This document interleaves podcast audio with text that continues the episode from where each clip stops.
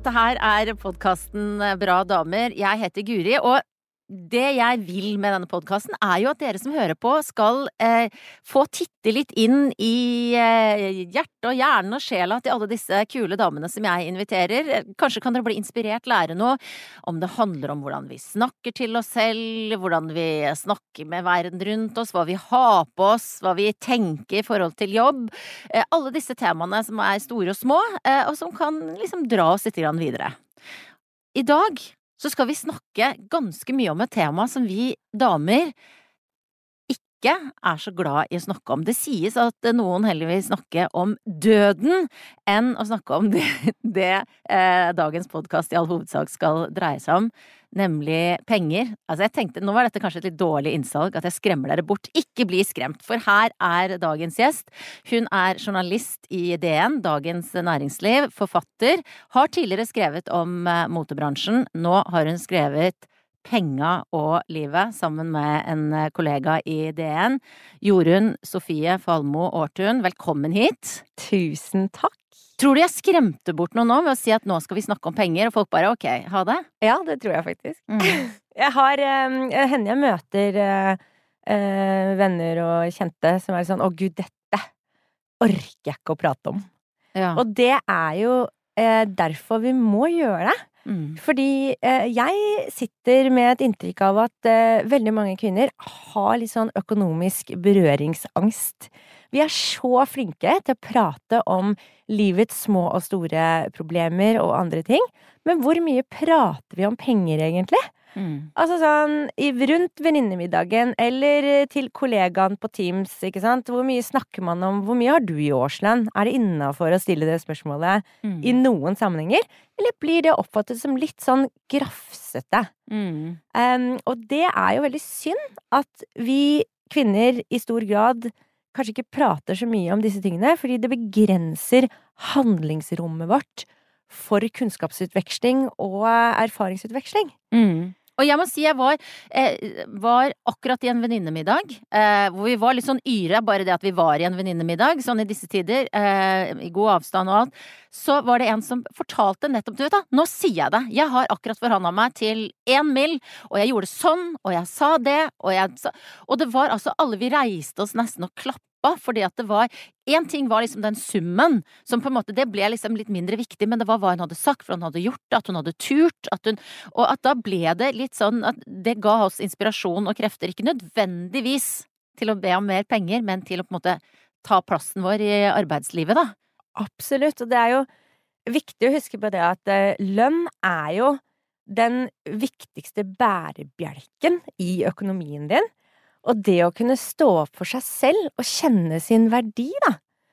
Både i form av den innsatsen du legger inn der du jobber, men også hva den er verdt i kroner og øre. Det er det faktisk verdt å kjempe for. Mm. Og vi har jo skrevet masse om det i denne boken, og det er jo Eh, og det er eh, Vi på en måte deler alle rådene for hva du kan gjøre for å øke lønnen din. For det er jo litt sånn at eh, når du er i offentlig sektor, for eksempel, så er det liksom begrensa hvor mye du kan gjøre, da. Fordi du kommer inn i et system med ganske rigide lønnstrinn når man rykker opp etter ja, det, er, det, er, det, er, på en måte et, et ordning og rede der, da. Mm. Men når det kommer til privat sektor, så er det jo eh, litt eh, Det er ganske mye ordning og rede, men det er litt større rom for individuell forhandling. Og um, jeg og min eh, medforfatter har forhandla lønn mange ganger i karrieren, og vi har aldri angret, selv om det er en sjukt ubehagelig opplevelse. Mm. Og du står der med hjertebank og klamme håndflater. Men da bare trøster vi oss med at vet du hva, sjefen syns det garantert er like kleint som oss. Mm. Og den tabuen rundt lønn, for eksempel, er det bare arbeidsgiverne som tjener på. Ja det det er, så mange tilfeller. Jeg har dekket dette eh, som DN-journalist i mange, mange år. Det er så mange bedrifter hvor det er kjempestore lønnsforskjeller internt. Og det kan det være der du jobber òg. Så det å liksom finne ut hvor ligger jeg på skalaen, hva er det Ikke sånn å eh, Anders eh, tjener så og så mye penger mer enn meg, men på en måte hva er lønnsnivået der du jobber? Og hva er den gjeldende bransjenormen? Og hva kan jeg gjøre for å eh, få litt høyere lønn, det er en øvelse jeg virkelig oppfordrer flere kvinner til å gjøre. Men det at du har turt å ta den samtalen til tross for at det er ubehagelig, hvor har du funnet eh, si, kraft og mot til å gjennomføre det med svette håndflater? Jeg kom jo inn, jeg begynte som journalist eh, tidlig. Jeg var liksom i VG da jeg var 22, og så fikk jeg fast jobb i det da jeg var 25. Og da kommer du gjerne inn på et ganske lavt nivå. Mm. Eh, og så oppdaget jeg at det var en del lønnsforskjeller i DN, da. Eh, og jobbet hardt for å, for å nå de målene jeg har satt meg. Eh, og så handler det jo om eh, det at man eh, det, er jo, det kan jo oppfattes som ikke at det er et argument, men det er veldig viktig å tenke at Jeg tror min trygghet har handlet om at jeg har funnet ro i det å gjøre gode forberedelser. Mm. Du, må, du, trenger, du, trenger, en dose freidighet. Ikke sant? Ja. Du må tørre å, å, ta den plassen og, kreve, kre, og rekke opp hånda. Men hvis du på en måte har bygget opp Hvis du har gjort researchen din, hvis du veit liksom cirka hvor du ligger i lønn, hvor de andre legger igjen, du har sett på stillingsbeskrivelsen din, mm. eh, du har sett hvilke ekstraoppgaver du har tatt på deg, eh, kanskje har man gjort noe, fått til noe ekstra bra, da, tatt på seg et prosjekt eller skrevet noen førstesider og you name it, så, så, er jo det gode grunner for at man skal få høyere lønn. Mm. Så det å liksom bygge en god argumentrekke gjør jo at ikke disse superlativene oppleves som så klamme, da. Ja. Fordi alle syns jo det er litt ubehagelig å stå der og liksom skamløs, eh, skamløst selvpromotere seg selv og bare det er jo, ingen, det er jo ikke, det er ikke noe som noen føler veldig er naturlig, tror jeg. Men, Men har du da har liksom skrevet en, en, liste, gjør du det da for eksempel kvelden før? Så skriver du noen punkter for deg selv eh, på hva du har gjort? Uh, ja, jeg jobber nok litt jeg starter nok litt før. Jeg mm. tenker kanskje et par uker før. Mm. Så, jeg, så, så, på en måte setter du opp, da. Ta fram liksom eh, Excel-ark eller papir og penn og bare OK, hva, hva, gjør jeg? Hva har jeg fått til? Hva, hva, hva fikk det Hva ga det bedriften i inntekter, eller hva, hvilken verdi er det jeg har tilført uh, det stedet jeg jobber? Mm. Og så er det jo sånn at man får ikke høyere lønn fordi man gjør jobben sin. Nei. Du må jo kunne vise til noe litt ekstra, ikke sant? Hvis, mm. man skal, hvis man skal få til det resultatet man ønsker med lønnsforhandling. Men jeg tenker også sånn at det er viktig å huske på det at eh, ok, så har du kanskje forberedt deg godt, og jeg har til og med kjørt sånn generalprøve, jeg, liksom med en oh, ja. venn. Øv, øv, deg med en venn, og se på forskjellige eh, Se på forskjellige scenarioer for hva kan sjefen si, fordi sjefen er jo mest sannsynlig en mer slugger enn deg til å forhandle. Uh, og det å også på en måte forberede deg, deg, og argumentasjonsteknikken din, men samtidig også liksom tenke litt på hvilke er det Hva kommer de til å si tilbake? Mm. Hva er motargumentene, og hvilke eventuelle hersketeknikker kan jeg møte? Er jo også en veldig nyttig øvelse, da. Mm. Og så er det ikke så farlig. Altså hvis du på en måte uh, forhandler lønn, og det går ikke helt veien, da, så kanskje man blir så nedpest og tenker 'Å, gud, nå må jeg bare bytte jobb, liksom. Men det må man ikke, fordi jeg mener det at det å bare vise at man har lønns- og karriereambisjoner, er jo positivt. Ja. Altså, arbeidsgivere vil jo ha folk som er liksom fremoverlent, og, og så lenge man har på en måte gjort eh, så man, lenge man har fakta i båndet og har forberedt seg godt, så tenker jeg liksom at man taper ikke på å gjøre det. Og det er mange andre ting man kan be om en lønn også. Du kan for eksempel be om frynsegoder. Altså for eksempel å kunne ta mer utdanning, da eller kurs eller kompetanse, det er jo superverdsatt i arbeidslivet. Altså her skal man liksom jobbe hele livet og få masse nye kvalifikasjoner, og arbeidslivet endrer seg hele tiden. Så det gjør jo både deg Da investerer du jo i deg selv, mm. og arbeidsgivere eh, investerer i deg. Så det, det syns jeg er et liksom Og det kan være ekstra ferie. Kanskje er du helt utslitt etter liksom et år med eh, covid og hjemmekontor. Kanskje trenger du da å ta deg litt mer fri. Mm. Og det er også ting man kan be om i en lønnsforhandling. Og nå er jo dette her Nå er jo du blitt en uh, en økonomisk superkvinne som du nå skal hjelpe oss andre med å bli med, med, denne, med denne, boka som du har skrevet sammen med Anita Hoemsnes. Eh, men, men, som du sier, du var jo en veldig fersk, ung journalist da du kom inn i denne eh, si, pengeverdenen, fra VG inn i Dagens eh, Næringsliv, eh, som for meg er sånn eh, Eh, jeg leser avisa, jeg vet hvor dere holder til i det store glasshuset, men det er en litt sånn ugjennomtrengelig verden. Kanskje nettopp fordi jeg også syns det er vanskelig å snakke om penger, og det er liksom der sitter de som kan det som jeg ikke kan så mye om. Eh, hvordan var ditt møte med, med den verdenen der da du kom inn der som 25-åring? Eh, det var en ganske bratt læringskurve. Jeg husker liksom Jeg skulle skrive de første resultatene og da holdt vi til liksom ved, ved, bø, gamle, altså ved børsen. Den mhm. gamle mm. lokalene var rett ved det. Så jeg, gikk rundt og bare å gud, hvordan skal jeg Det var, det var mye nytt, da. Men, men uh, samtidig så handler jo næringslivet om mye mer enn bunnlinjer og resultater. Det handler om makt og god ledelse og menneskene bak tallene som skaper de resultatene. Mm. Det har alltid vært liksom min motivasjon, da. Eh, jeg, jeg er nok ikke noen sånn tallknuser som jobber som en sånn spisset finansjournalist.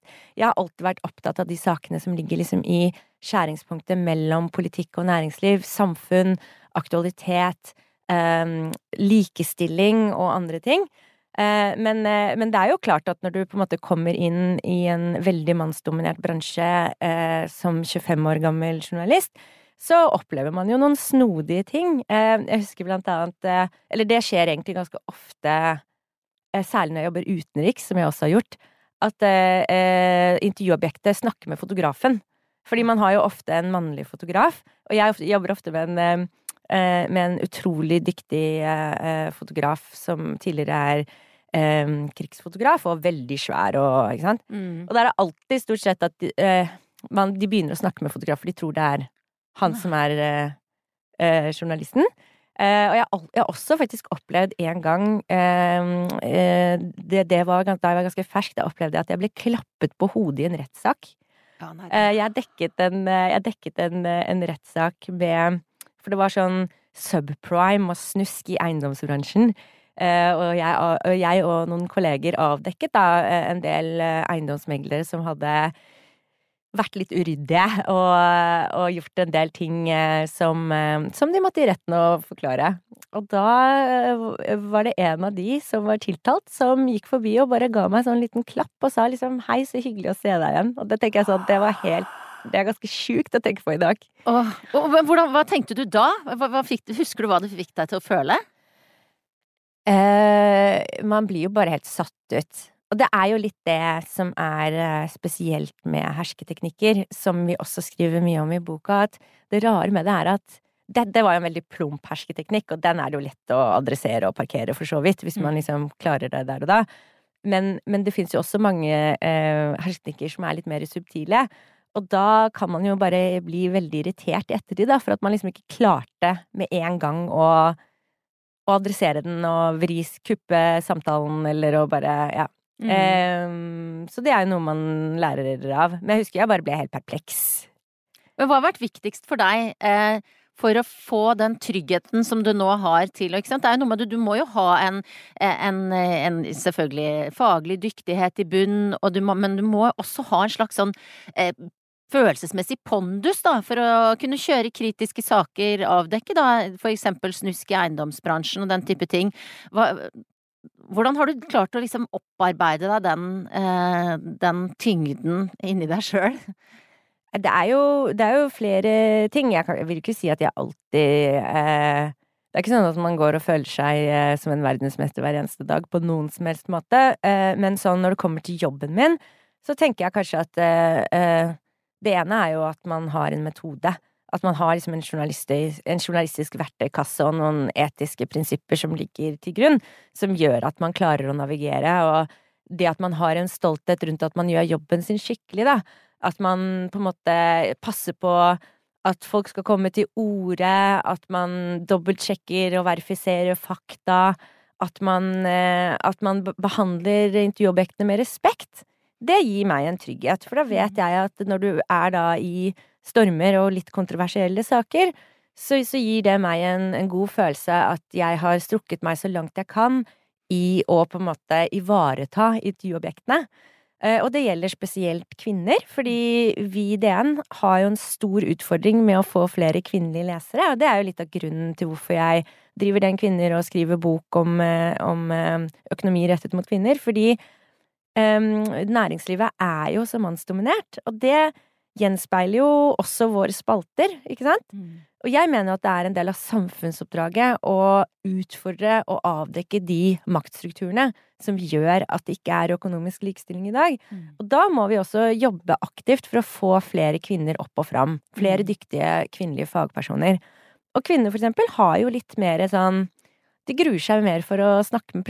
Er, de, de, de, har ikke alltid så lyst. Ja, hva, hva, gjør du da når du ringer rundt og ikke sant, begynner øverst på kvinnelista fordi du helst vil ha damer i sakene dine? Hva sier de? Disse sikkert helt kompetente og dyktige damene som er skeptiske til å være med i saken din. De sier ofte 'ring en mann'. Dette kan jeg ikke noe om. Eller er du sikker på at du ikke vil snakke med den og den kollegaen min, som da ofte er en mann? Eh, og så, så, det vi gjør da, da Vi har gjort mange ting. Eh, vi har blant annet eh, satt opp et sånt kilderegister hvor vi får innspill til masse bra damer som vi liksom registrerer, sånn at mm. journalistene For det ikke, eh, alle journalistene i DN har på en måte et kartotek med spennende fagpersoner de kan ringe i relevante saker. Og så er det ofte å gi sånn Du, trenger du fem minutter? Og så på en måte får de da tid til å bare Ok, eh, hva vil jeg si? At de får liksom en liten pust i bakken før de, før de snakker. Mm. Eh, og da, da, finner de ofte på en måte roen, da, for å la seg sitere. Og så er det det å sant, gi sitatsjekk og eh, la de føle seg trygge hele veien og ordentlig behandla er ekstra viktig hvis man skal få damene på glid. Mm. Eh, og så er det det med bilder, for eksempel. At vi på en måte er gir de god tid til å kunne være forberedt på foto. At de eh, så, Og det skjønner jeg, fordi det er ikke bare fordi eh, kvinner er jålete eller vanskelige eller sånne ting. Det er også fordi det er så mange nettroll der ute. Mm. Og du får ofte mye kritikk som kvinne når du står fram i mediene fortsatt. Så jeg skjønner at det koster, da. Og da må vi journalistene selvfølgelig stille alle de kritiske spørsmålene, mm. men vi må også på en måte ha det i bakhodet, da. At eh, det er viktig å ivareta de på en skikkelig måte. Og så er det én ting til som jeg tenker er litt viktig, og det er at um, vi i pressen kan jo være litt sånn fokusert på toppsjefene. Det er alltid sånn 'Å, oh, jeg fikk liksom snakke med konsernsjefen her og der', og sånne ting. Men så, er det ofte liksom sjukt mange faglig dyktige kvinner i organisasjonen, som kanskje mm. sitter noen ledd under, da. Som er mer tettere på faget enn kanskje de som sitter helt i øverst. Og det å spørre de og det er vel gjerne bare... de som leverer researchen til sjefene før de skal sant? snakke med deg. Ja, mm. Så det å på en måte gjøre det, da, mm. gjør jo at man får mer mangfold i uh, spaltene. Mm. Så det prøver vi på, da. Og vi er ikke alltid like flinke, men, uh, men, men vi prøver. Og én ting er den ekstra innsatsen du legger inn eh, for å få disse kvinnene i tale. Når det gjelder liksom din jobb eh, i seg selv Jeg snakka med eh, fotballtrener Renate Blindheim for noen uker siden, som er eneste kvinnelige fotballtreneren i, for norsk eh, herretoppfotball. Eh, hun sa det at um, hun må nok gjøre jobben sin dobbelt så bra som en mann. Eh, er det en følelse du kjenner deg igjen i, i en ganske mannsdominert verden? jeg opplever egentlig ikke det. Men jeg mener jo at grunnen, en av grunnene til at jeg er feminist, handler jo også om solidaritet. Fordi jeg vet at det er sånn i mange sammenhenger at kvinner må eh, gjøre en ekstra innsats for å nå de målene.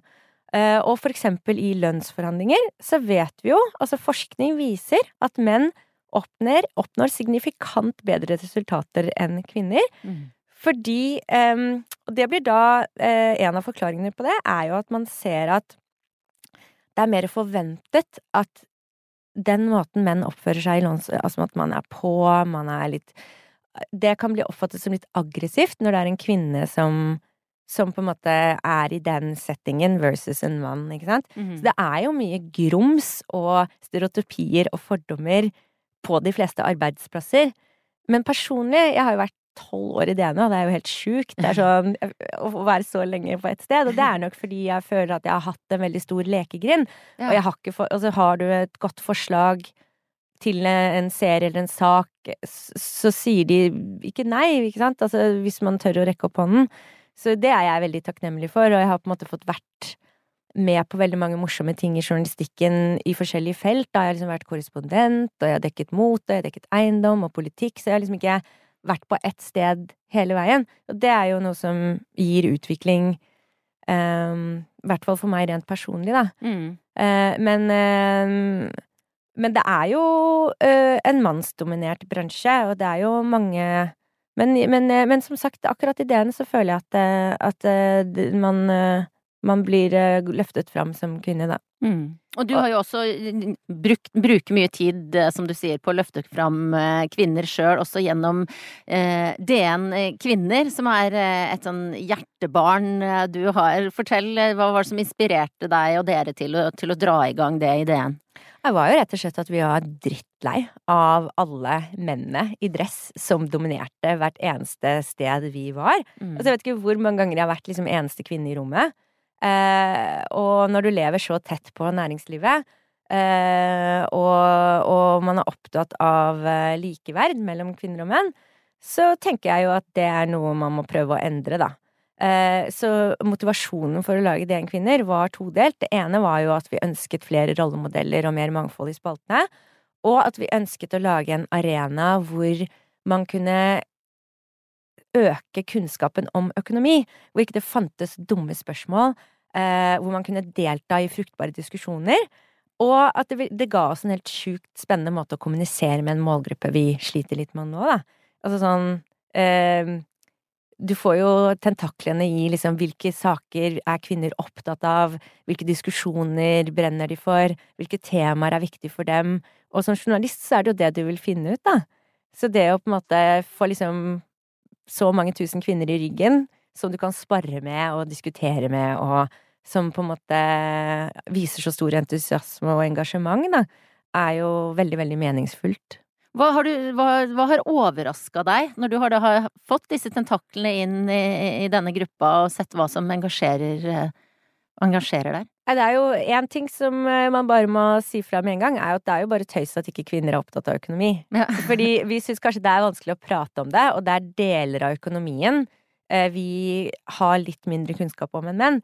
Men samtidig så er det jo, må man liksom ikke undergrave kvinners evne til å ta kloke beslutninger og valg eh, når det kommer til penger, da. Mm. Eh, og jeg blir jo litt sånn rørt når jeg ser alle disse glødende diskusjonene om alt fra sparing til fond, nei, sparing i fond til parøkonomi, hvordan få en rettferdig fordeling av utgifter når man er samboere, permisjoner, diskrimineringssaker. Vi har jo hatt mange eh, dagsordensettende saker i DN på grunn av det som skjer i gruppen. Mm. Eh, så så det har kanskje overrasket, altså, overrasket meg i positiv forstand. Mm. Og så får du også veldig mange sterke historier. Da. Man, man, blir jo veldig engasjert på vegne av mange av de tusen spørsmålene man får inn, hvor kvinner eh, kanskje har opplevd eh, veldig ugrei oppførsel eller har havnet i situasjoner som er veldig økonomisk krevende.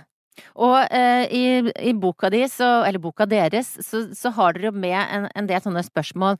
Eh, stilt av, eh, av, ulike kvinner. Jeg vet ikke om det er, er det fra den gruppa, eller? Ja. ja. Og, og det, det, det, som er nydelig med det, er jo at eh, Og det ga meg litt sånn selvtillit, for der var det liksom helt sånn basic spørsmål som er sånn Ja, det kunne jeg også lurt på! Ja, ja. Og, og jeg òg, liksom. Ja, altså, det er ikke sånn eh, det treffer, så, det treffer så mange, da. Og det er jo også litt Tonen i boka er på en måte litt mer undrende, og ikke så bastant, da, som jeg ser for meg at en sånn bok kunne ha vært. Ja, det er veldig hyggelig at du sier, for det har vi vært veldig opptatt av. Altså, jeg tenker sånn, det er så mange Det er så fort å få sånn pekefingermentalitet når det kommer til penger, mm. og det provoserer meg så veldig. Altså sånn Bare ett eksempel da, er jo sånn Kvinner og menn bruker penger litt forskjellig.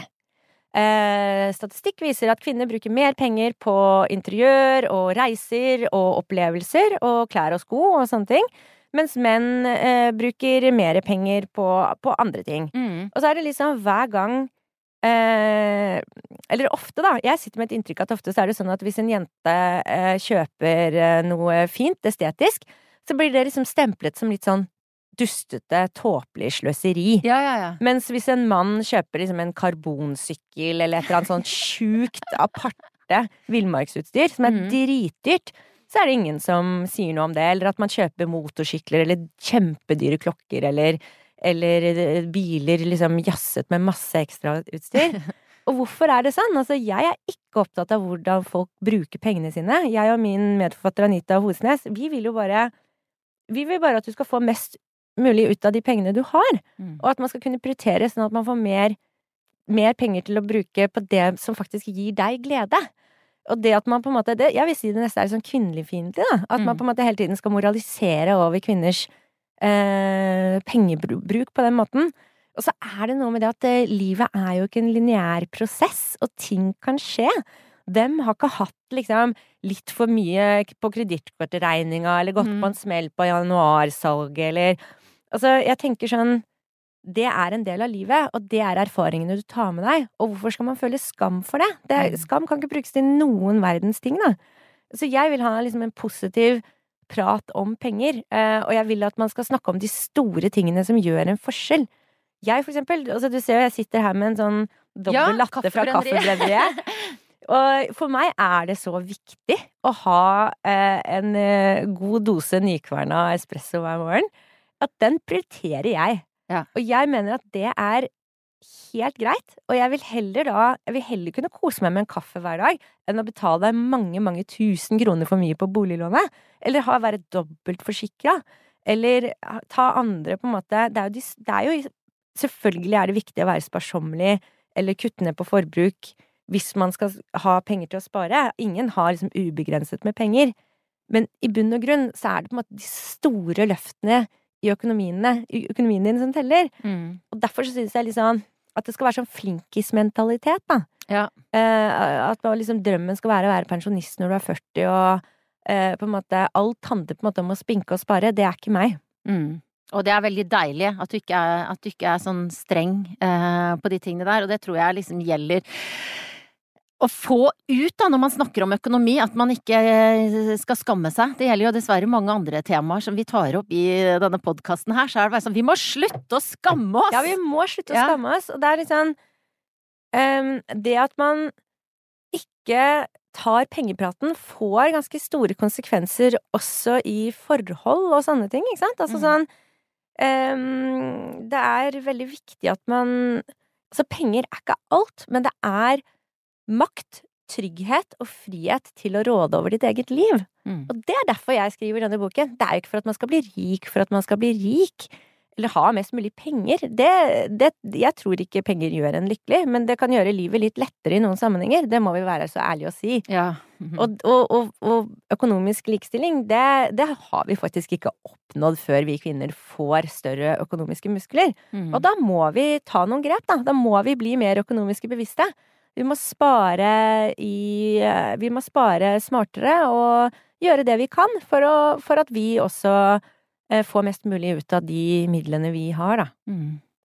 Du, da du kom her i dag tidlig, så var det da, som du sa selv, med, med jålekaffe. Var ute i god tid. Det var veldig sånn rolig. Eh, men så vet jeg jo at du har et liv som kunne tilsagt at du hadde kommet heseblesende inn litt forsinka, eh, og at det hadde vært en litt stressende morgen. For du, du, du har på en måte et potensielt kaos eh, hjemme hos deg nå, Altså, Jorunn. det er katastrofe eh, hver dag, stort sett, på hjemmeballet. Er det det? Eh, ja, det er det, ass. Og det er veldig morsomt at du sier, fordi man Det er jo bare helt unntakstilstand før eh, Jeg har to barn, eh, eh, og jeg ble gravid med nummer to etter åtte måneder. Mm Eh, så de er nesten sånn pseudotvillinger, er det det man kaller det? Ja, det må jo nesten være det. Ja. Altså, det er jo nesten sånn fysisk vanskelig å få til, det der Ja, ja. det er helt riktig. Og de er jo Det er to bleiebarn. Oi, oi, oi. Så, men, men ja. Så det, det går unna. Det er kos og kaos. Men hvordan en, en person som i hvert fall sånn utenfra oppfatter jo deg som liksom sånn strukturert og velplanlagt og sånn. I i en situasjon med to bleiebarn, så vet jo alle som har vært så vidt i nærheten av noe sånt, at eh, da er det ikke det snakk om å beholde kontrollen. Hvordan, hvordan takler du det? Ja, jeg, jeg opplever kanskje at eh, jeg er jeg er nok litt mer eh, surrete og kaotisk enn det i ytterkant framstiller. Men det er jo Altså, jeg tenker at man må jo bare omfavne det. Mm. Fordi dette er liksom en kort fase i et liv, og vi er jo veldig i det nå, jeg og samboeren min. Så, så på en måte det å eh, Da blir det liksom å sitte og høre på Bjørnis og henge med i badekaret, ikke sant, og ha på en måte de Det er jo veldig mye kos i det kaoset. Mm. Eh, og for meg, da, som er veldig glad i å jobbe, så føler jeg også det at den tida mellom liksom fire og sju er så hellig for meg, da. Mm. Bare logge seg av. Altså, det disiplinerer deg i det at um, I hvert fall personlig så føler jeg at jeg har fått et litt annet kompass, da. Og at det er noe som alltid er viktigere. Um, det er jo Det er veldig berikende for Mm. meg. Var det overraskende for deg da den følelsen dukka opp? Litt. Jeg trodde kanskje at jeg kom til å føle veldig sånn å gud, nå kan jeg ikke dra og dekke USA-valget, eller nå er det slutt på ikke sant? Når du er vant til å kunne dra sånn mange uker på tur med en fotograf, og du er liksom på roadtrip, og du gjør masse spennende greier. Men eh, jeg har gjort ganske mye av det, da. Eh, så, så det har ikke vært noe tap, egentlig. Mm. Og så prøv, prøv, har jeg en veldig likstilt uh, samboer, da. Så vi får, flekser jo til og prøver å gi hverandre mest mulig luft under vingene, Mm. som jeg tror er veldig viktig. Og så er det jo dager når alt går på tverke, og man bare må le av det. Ja, gjør du det da? Ler Ja, du det? herregud. Vi var på ferie i Lofoten i, eh, i august. Og da hadde vi sånn Vi er veldig glad i å reise, og har reist masse sammen. Og hadde liksom lagt ut på den ambisiøse bilturen til Og det er sånn Med så to små barn i bilen. Det var Og liksom sånn Vi måtte kjøre sånn Tetris for i det hele tatt få plass i den bitte Ja, ja. lille leiebilen vi hadde lagd. Og du vet sånn bitte lite rom, og du står der klokken seks om morgenen og bare eh, 'Kan dere varme litt vann til babygrøten?' Og det er bare helt sånn Du måtte liksom krabbe over reisestengene for å komme til sengs, og kofferten var i dusjen, og det er liksom bare sånn Det er så mange sånne Men da tenker jeg at det er i hvert fall bra at man gjør de tingene, da. At man liksom utfordrer seg selv litt og tenker at ja, ja, det, det ble jo en kjempefin tur. Den bare Den ble ikke sånn som man hadde sett for seg at den skulle bli. Det er noe helt annet, men det er fortsatt verdifullt, da. Er du god på å ta imot eh, det uforutsette? Eh, ja Jeg er nok ganske sånn Jeg har nok vært en ganske sånn chill mamma. Uh, jeg har ikke vært så opptatt av så mange regler og sånne ting. Men sant, igjen så kommer det veldig an på hvordan barna dine er, da. Mm. Og hvis de får kolikk, eller det er liksom andre ting som gjør at man har veldig behov for rutiner. Mm. Eh, og jeg har jo hatt rutiner, men, men jeg har på en måte alltid tenkt at eh, de skal være med. Så for eksempel når vi hadde sånn Vi har jo hatt sånne Cashes Queen-eventer Mm. eh, sammen med DN Kvinner, og vi hadde første event i eh, Vi hadde i Oslo, men så var vi også på norgesturné, og da var vi i Bergen. Og da var Arthur med, eh, min yngste sønn, og da var han to og en halv måned. Mm. Og da var det, gikk han på runde med konferansefolka og fikk en flaske melk, og jeg var konferansier, og det gikk kjempefint. Og da er det jo noen som hører på, som blir nesten litt sånn irritert på det sikkert, for å høre at du liksom mestra det så bra, for sånn ja, men sånn kunne ikke jeg, jeg satt hjemme og Altså, altså at, det, at, at du fiksa det så bra. Um, hva var det som gjorde at du, du klarte å liksom hive deg ut i jobben så tidlig, tror du? Jeg tenker jo at det ikke er en prestasjon, da. Altså, Ja. hvis du skjønner, jeg tenker at eh, det er bare at noen ganger så står man foran noen muligheter i livet som man kanskje ikke vil eh, takke nei til.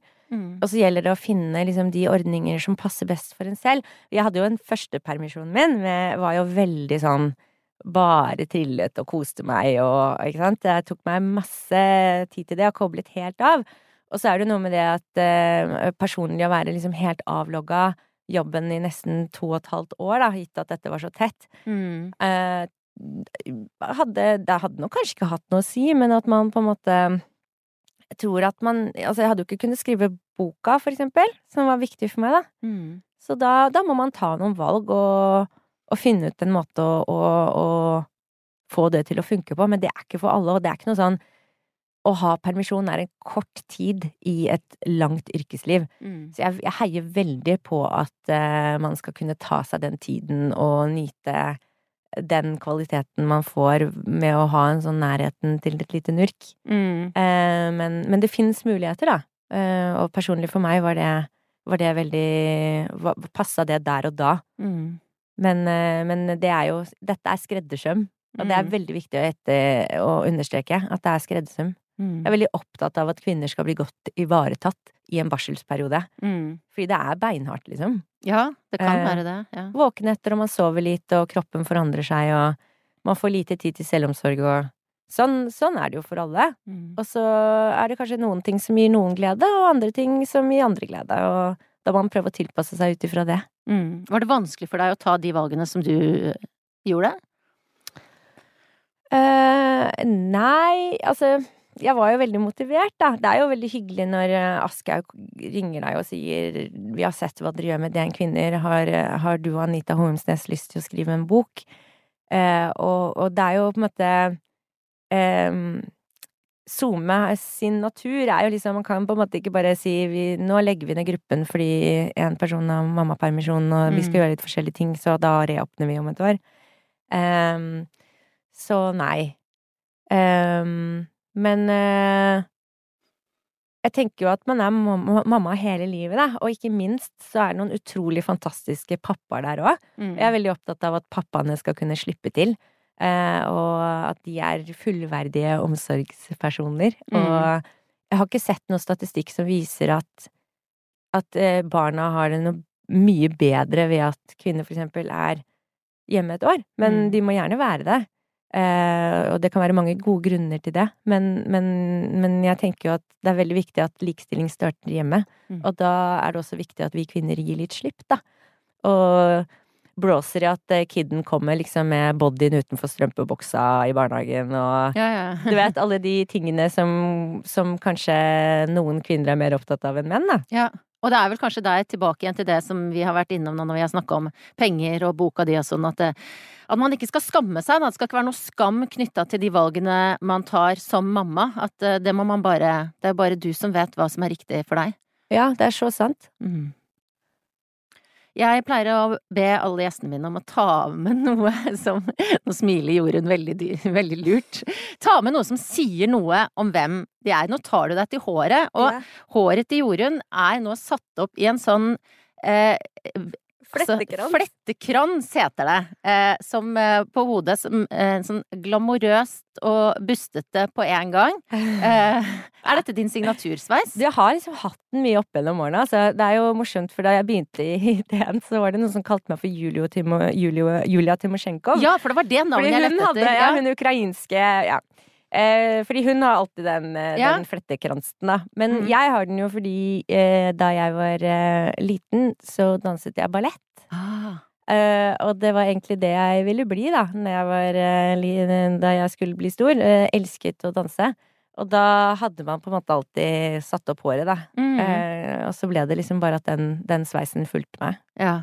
ja, så det, du, det, det som representerer deg, er rett og slett en hårnål? Du, det er en hårnål, og ehm, fordi det Jeg har liksom Den har vært med meg på så mange øyeblikk, da. Enten det var på scenen eller i dansestudio eller ja, i livet. Mhm. uh, så har jeg stort sett alltid hatt en hårnål i, i håret. Og så har jeg et lite triks, fordi jeg er en kjempefølsom person. Ja. Jeg begynner veldig lett å gråte. Og er veldig Jeg er lettrørt og liksom det, det, det buldrer inni meg, da. Mm. Og så er det ikke alltid i alle situasjoner det er eh, det letteste eller det lureste, da. Eh, og da eh, bruker jeg den hårnålen, og så trykker jeg den litt sånn inn her. Sånn Inn jeg i liksom, hånda? Ja, bare sånn at jeg kjenner litt sånn Kjenner det litt, for det hjelper meg å liksom kontrollere følelsene mine litt. Dette her er jo da også et Gro Harlem Brundtland-triks. Hun hadde ikke hårnål. Det hadde hun- tegnestift. Ja. Det var jo nesten litt sånn Det er brutalt, da. da. Jeg vet det. Ja. Men hun trengte det sikkert, da. Det var Hvilke situasjoner trenger du hårnåla di? Du, det, kan, det er for eksempel, ja, la oss si når jeg skal forhandle lønn, da. Mm. Uh, at det, grei, det kan være greit å liksom Eller du skal, du skal rett og slett i noen tøffe runder, da. Tøffe Mm. konfrontasjoner, eller det er eh, situasjoner hvor jeg, jeg, jeg mener jo at det skal være lov å vise følelser eh, som menneske, både jobb og privat, men det er ikke alltid det kanskje Noen ganger kan det overskygge budskapet, da. Ja, Eh, og kjenner meg igjen. Ja. Så, så da, da trykker jeg meg litt sånn Bruker jeg den litt sånn aktivt, den eh, Fantastisk. Altså, jeg må begynne med Jeg har begynt å gråte, ikke i lønnsforhandlinger, men på en måte litt sånn tilsvarende samtale med sjefen. Eh, Jeg òg, mange det- ganger. Ikke lønnsforhandlinger, da, men jeg, jeg gråter ganske mye, faktisk. Ja, og jeg også. Og, det, og i hvert fall i en situasjon hvor du liksom skal være profesjonell og sånn. Men så er jobben også så nært knytta til følelsene våre og hvem vi er og sånn. Og, ah, Og det at man føler sånn skam for det òg, tenker Ja. jeg er så dumt, da. Sånn, det handler jo ikke Altså, man er et helt menneske, og selvfølgelig er det en fordel å kunne ha eh, følelsene under kontroll, Mm. men, men det er også lov å vise sårbarhet, og det gjør jeg masse, da. Mm. Jeg det, jeg er veldig opptatt av det overfor Nå jobber jeg som prosjektleder i DN, og jeg har jeg jobber med noen yngre kolleger og sånne ting, og da tenker jeg sånn Det å kunne være sånn ærlig og vise at man eh, At man kan bli preget av oppturer og nedturer, nedturer syns jeg er liksom en viktig Mm. Det er viktig å formidle, da. Ja. Og så er det jo også, jeg snakka med mange i denne podkasten om ulike måter å være leder på. Om du da er eh, regissør eller en liksom klassisk leder eller en dirigent, som jeg prata med for ikke så lenge siden. At, at, vi kvinner har gjerne en litt annen, ofte en annen lederstil, og så blir vi liksom målt opp mot den mannlige, stramme, autoritære. Men kanskje en litt ja, litt sånn som du sier da, en som viser litt mer følelser, spør litt mer om andres synspunkt. At det så det er mm. det som er framtida? Det er kjempeinteressant. Jeg vet ikke. Jeg skriver også et uh, nyhetsbrev som heter DN Ledelse, uh, som har liksom personlig form og sånn. Og jobber mye med arbeidsliv, da. Mm. Og jeg vet liksom, jeg har tenkt mye på det om det egentlig er sånn at man har liksom Kan man egentlig skille liksom mannlige og kvinnelige lederegenskaper? Mm. Tenker at det er jo ganske grenseoverskridende også Uh, i, i, det, da. At det, mm. det, er ikke alltid man kanskje skal kategorisere så mye hva som Nei. er en mann, og hva som er en kvinne sin måte å håndtere Man er jo, eh, som leder, så er man jo en problemløser uavhengig av hva slags kjønn man har. Mm. Men det som er interessant, er jo det at jeg tror at pandemien også har bidratt til at man kanskje har litt mer sånn De gåseøyne myke lederverdiene er blitt litt viktigere, da. Ja. Det å kunne på en måte tilrettelegge være empatisk, forståelsesfull, løsningsorientert, fleksibel, eh, gi de ansatte tillit. Altså, mm. det tror jeg på en måte er, er lederegenskaper som verdsettes høyere nå. Mm. I hvert fall så viser en del forskningene mm. eh, enn før. Altså litt denne autoritære sjefen som bare er pragmatisk og eh, sender deg bestillinger på Teams hele døgnet, og det er jo ikke Det er ikke gode tider for de sjefene, tenker jeg. Nei, nei det er sant. Men det kan jo være kvinner som også er sånne sjefer, mm. tenker jeg. Ja, Så... og det er jo ikke alltid den kategoriseringa er fruktbar, selv om um, Selv om det kanskje er et mønster der, jeg vet ikke. Men, uh, men uh, ulike lederstiler, ja. Ja. Jeg må bare holde, holde, litt fast på den der hårnåla di ja, grann til. Ja. For det er en annen ting jeg tenker på med deg, Jorunn, i tillegg til at du er da, eh, kanongod på økonomi og de tingene der, er at du er glamorøs, du går med hatt, ja, jeg kan ja, ha hatt. Takk. Og en kvinne som bærer sin hatt, det skal man ikke kimse av. Eh, jeg prøver meg selv innimellom, eh, og jeg vet at Og jeg sier til andre du må bare gønne på, for folk kommer til å se på deg, for folk legger merke til en kvinne eller en mann med hatt. Eh, og dette her er jo selvfølgelig et stilspørsmål, men på en måte det er litt større også. Ja, det, det krever sin kvinne. Hva, når du tar på deg hatten, hva, hva, måte, hva, hva, krever det av deg å bære den med stil? Du, det er et veldig godt spørsmål, og jeg er veldig glad du stilte det. Uh, og jeg, um, jeg, jeg tenker at uh, hvis det er dager Altså for eksempel, det var en periode jeg hadde også kontor på Stortinget, og da droppa jeg hatten, liksom. For ja. det, det er jo noe med det at uh, når man har hatt, så kan det, det kan jo forstyrre litt sånn Det kan bli veldig mye snakk om den hatten, ja. og det kan man bli litt lei av. Mm. Og det er jo, som journalist, så er det jo ikke jeg som er i fokus, det er jo de jeg snakker med, ja, som skal være i mm. fokus. Mm. Så da modererer jeg meg litt, da. Men jeg er veldig glad i å gå med hatt. Det er litt sånn Jeg tror kanskje at det handler litt om eh, en følelse av litt power, da.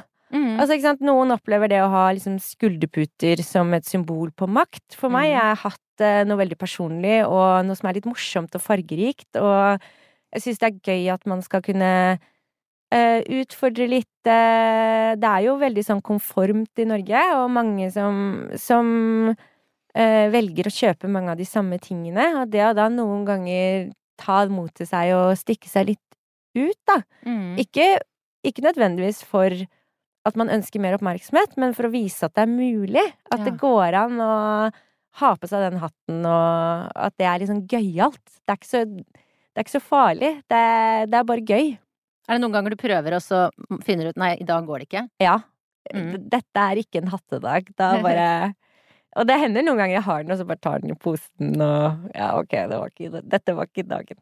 Men, eh, men stort sett så er det jo Det er jo bare en hatt, på en måte, så det er ikke noe jeg analyserer ikke sånn veldig mye. Det er bare en, en følelse av å føle seg liksom øh, Føle seg bra, da. Mm. Og at jeg syns det er morsomt. Jeg er jo veldig interessert i mote. Det har jo vært øh, hele livet. Og mm. jeg har også skrevet en bok om mote. Så og dekket på en måte moteindustrien.